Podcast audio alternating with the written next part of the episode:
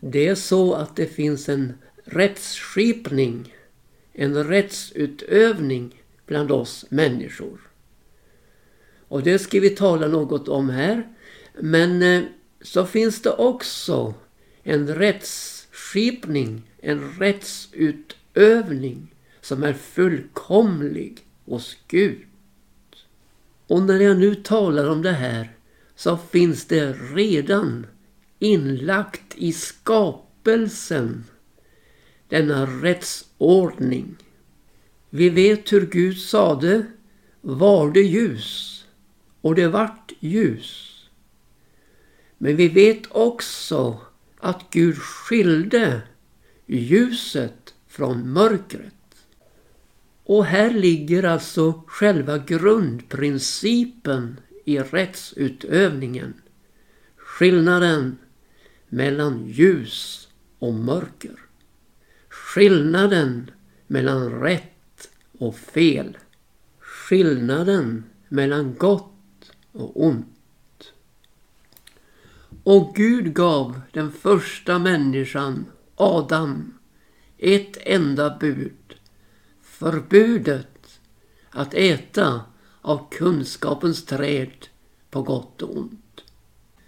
Tillvaron var okomplicerad med en underbar gudsgemenskap där alla andra träd i lustgården var tillgängliga och Adam kunde fritt äta därav.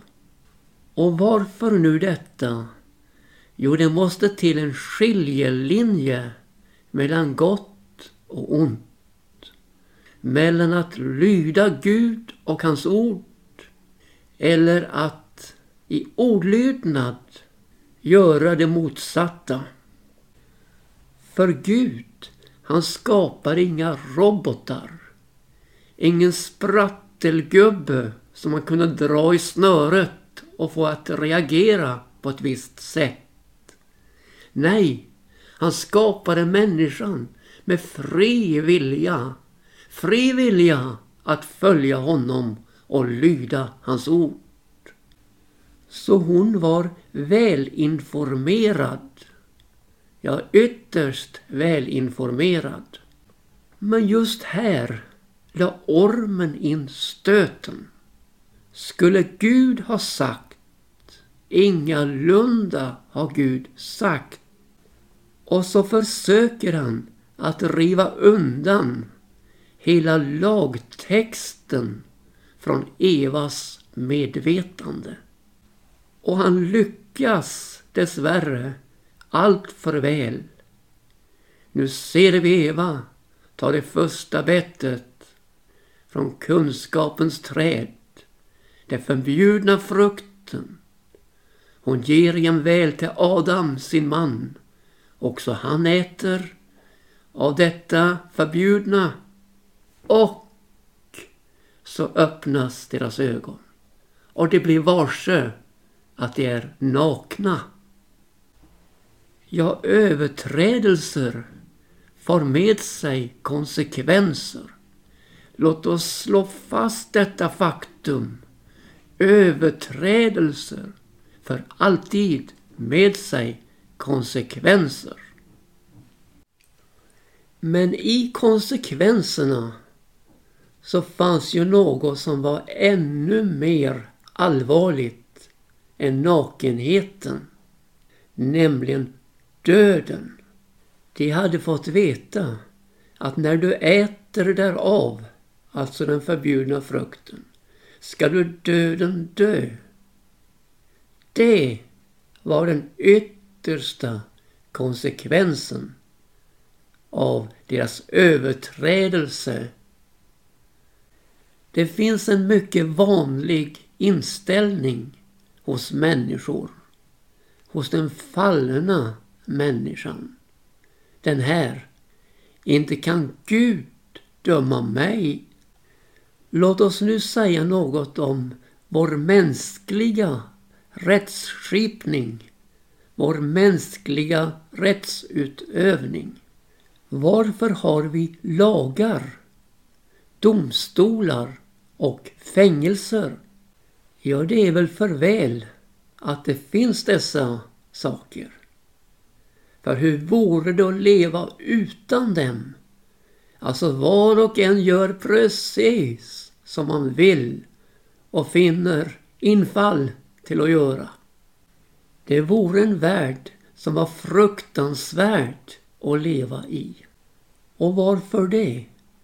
Jo, därför att människan bär med sig en överträdelse i sin inre värld. Alla har syndat. Och detta förhållande regleras då med lagar och förordningar, domstolar och straff i världen. Låt oss bara skjuta in här hur Gud handlade efter syndafallet. Han kom med lagen. Ett lagkomplex där de tio budorden är själva centrum i denna lagtext. Ja, med syndafallet hade tillvaron blivit fruktansvärt komplicerad med ett brutet gudsförhållande. Och så inträffar ju det här att vi bröt Guds lag. Vi kunde inte hålla den. Och så är det så här att den som är skyldig i ett är skyldig till allt. Ja, så är det med Guds lag, den fullkomliga lagen. Och så fick vi genom lagen kännedom om överträdelserna, kännedom om synden. För utan att lag finnes så finnes ingen överträdelse. Men så visade det sig då att vi alla stod som syndare. Alla har syndat och saknar härligheten från Gud. Men i vår mänskliga lagstiftning finns ju brister den är inte fullkomlig. Och i rättsutövningen kommer ju detta tydligt fram. Att brott och straff inte utjämnar varandra. För vi menar ju så här att när någon har uttjänat sitt straff så är han fri. Men så är ju inte tillfället.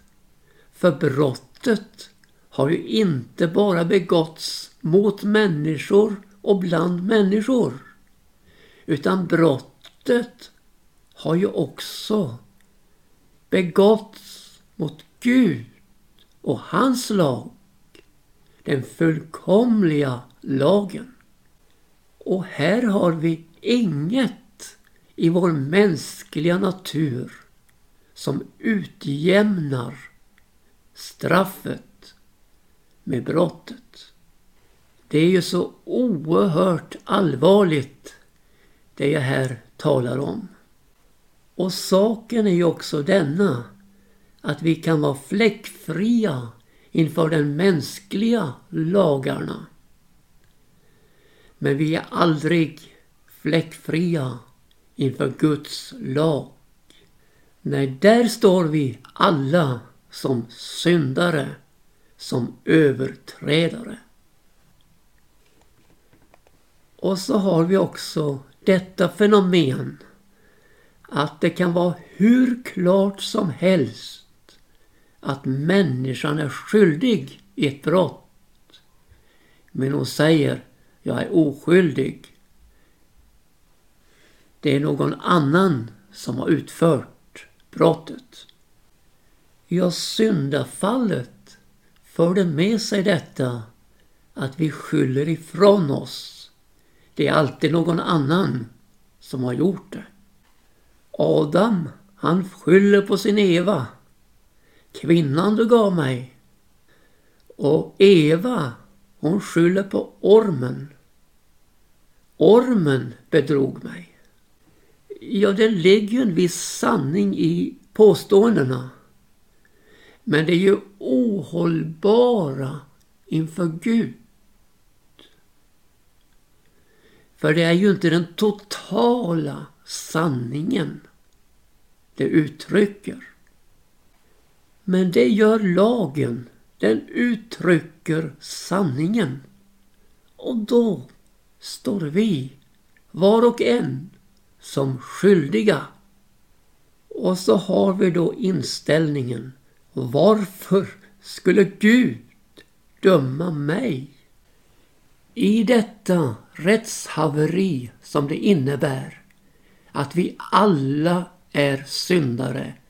Ingen har hållit lagen. Så kommer en som gör just detta. Han inte bara håller lagen utan han uppfyller lagen. Det är Jesus jag talar om. Syndfri går han genom livet med lagens uppfyllelse som mål. Vid Jesu kors på Golgata fanns det två rövare som var korsfästa tillsammans med honom. En på var sida. Och Matteus, han berättar i sitt evangelium att båda rövarna smädade Jesus. Så när översteprästerna det de äldste och de skriftlärde begabbade Jesus och sa Stig ned för korset så vill vi tro på dig.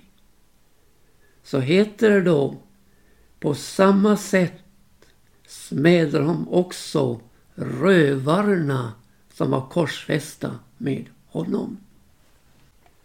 Men så kom det ett uppvaknande hos den ene rövaren. Som Lukas berättar för oss i sitt evangelium. Ett oerhört uppvaknande. Ja, vilket uppvaknande över sin situation. Och i uppvaknandet börjar han tillrättavisa den andra rövaren och säger Frukta icke heller du Gud, du som är under samma dom. Oss vederfars detta med all rätt, till vi lida vad våra gärningar är värda.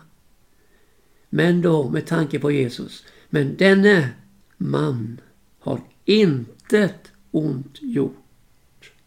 Ja, bort förklaringen och bortförklaringarna var borta och han förstod sin egen skuld.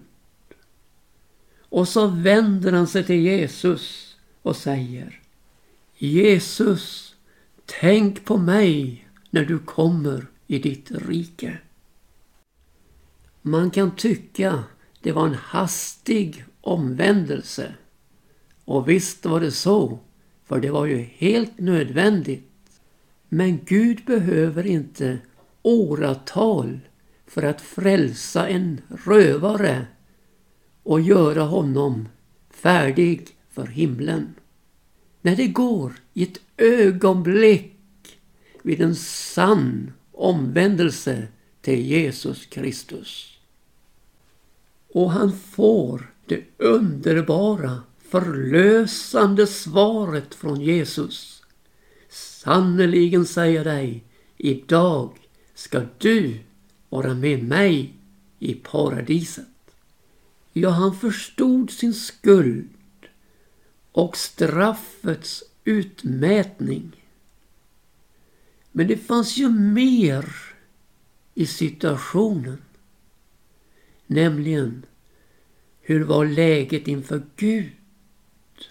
Ja, det oerhörda var ju detta att mannen i mitten, Jesus Kristus, Guds son, han tog straffet, det eviga straffet på sig. och vägen var banad för denne rövare. Rakt in i paradisets underbara värld tillsammans med Jesus och genom Jesus. Tänk att från smädelser via ett uppvaknande och en hänvändelse till Jesus få gå in. Ostrafflighet inför Gud. Hur kan detta vara möjligt? Jo, Jesus tog den rövarens straff på sig. Detta är himmelsk rättsskipning. Himmelsk rättsutövning. Domaren själv tar straffet på sig. Det är gudomlig rättsskipning, gudomlig rättsutövning. Det är den totala utjämningen mellan brott och straff har skett genom Jesus inför Gud. Och liksom rövaren kommer jag en dag att få stå inför Gud ostrafflig. Halleluja! Genom Jesu blod som har betalat min skuld.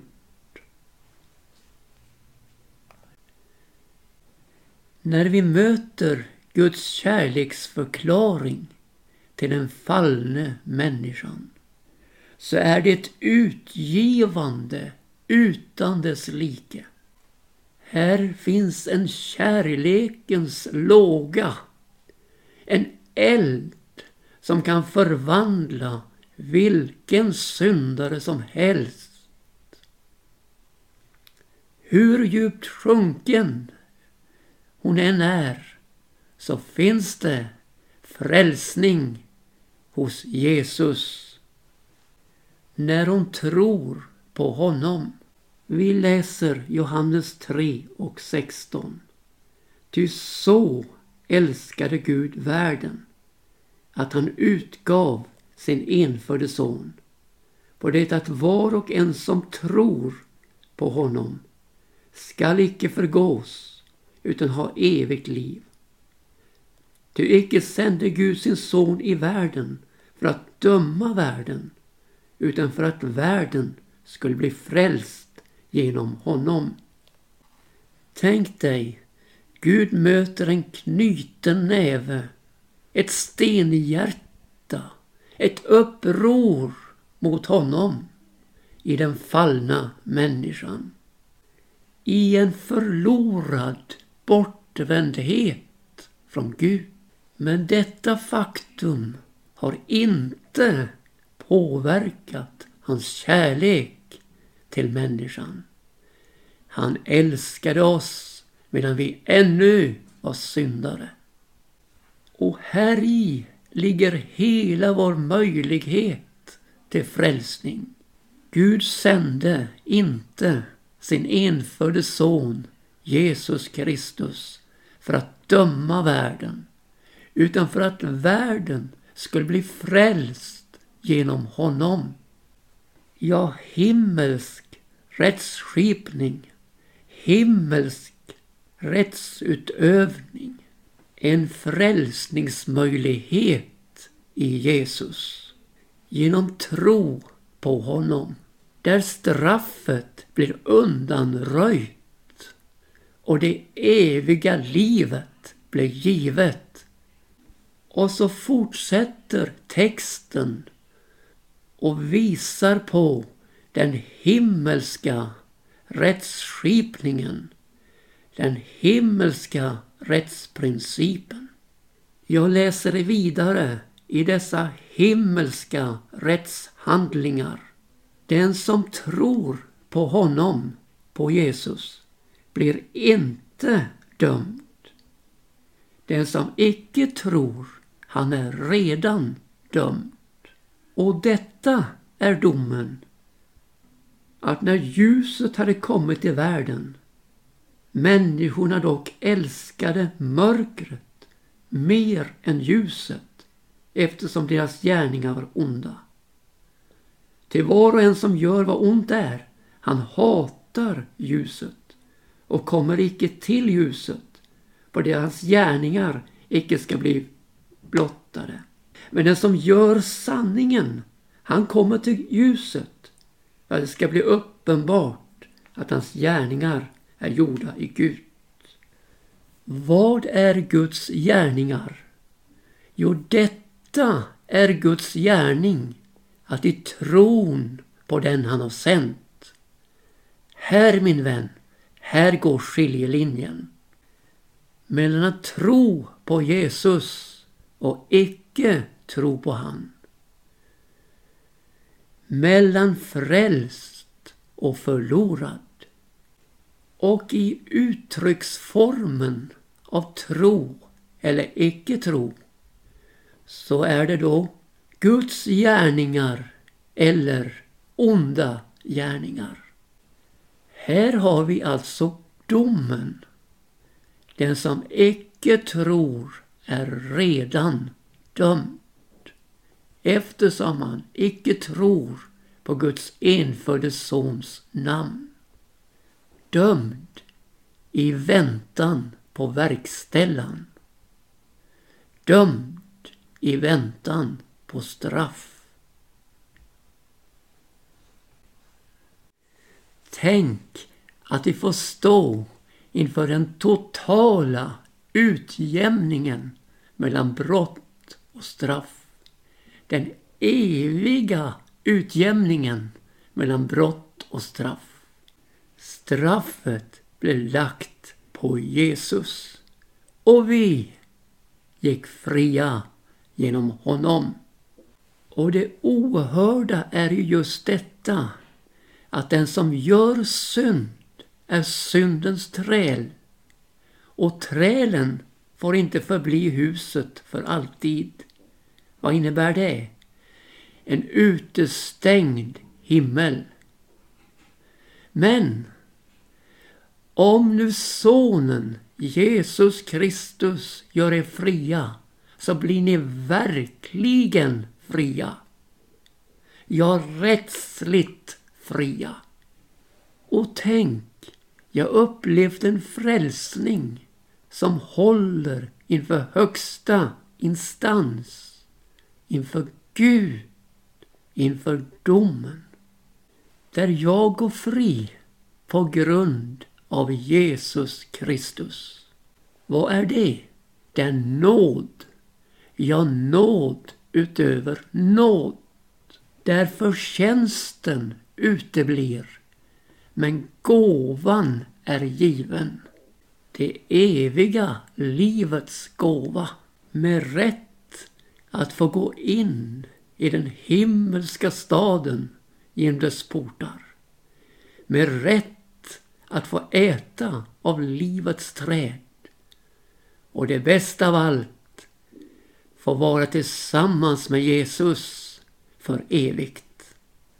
Han som tog min synd på sig han som renade mig genom sitt dyrbara blod så att jag fick liv, ja evigt liv i honom.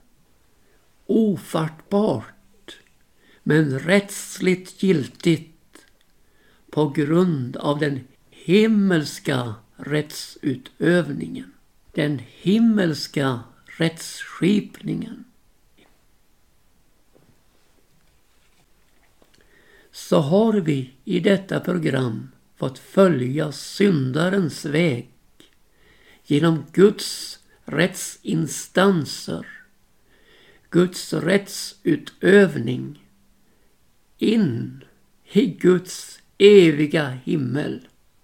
Och vi har inte följt syndarens väg utan Jesus till det eviga fördärvet, till den eviga elden, till den eviga förtappelsen. Men också det är upptecknat och lagt ut i Guds rättsordning. Där syndens lön är döden och där människan utan Jesus går förlorad. Därför blir min appell här i slutet av programmet.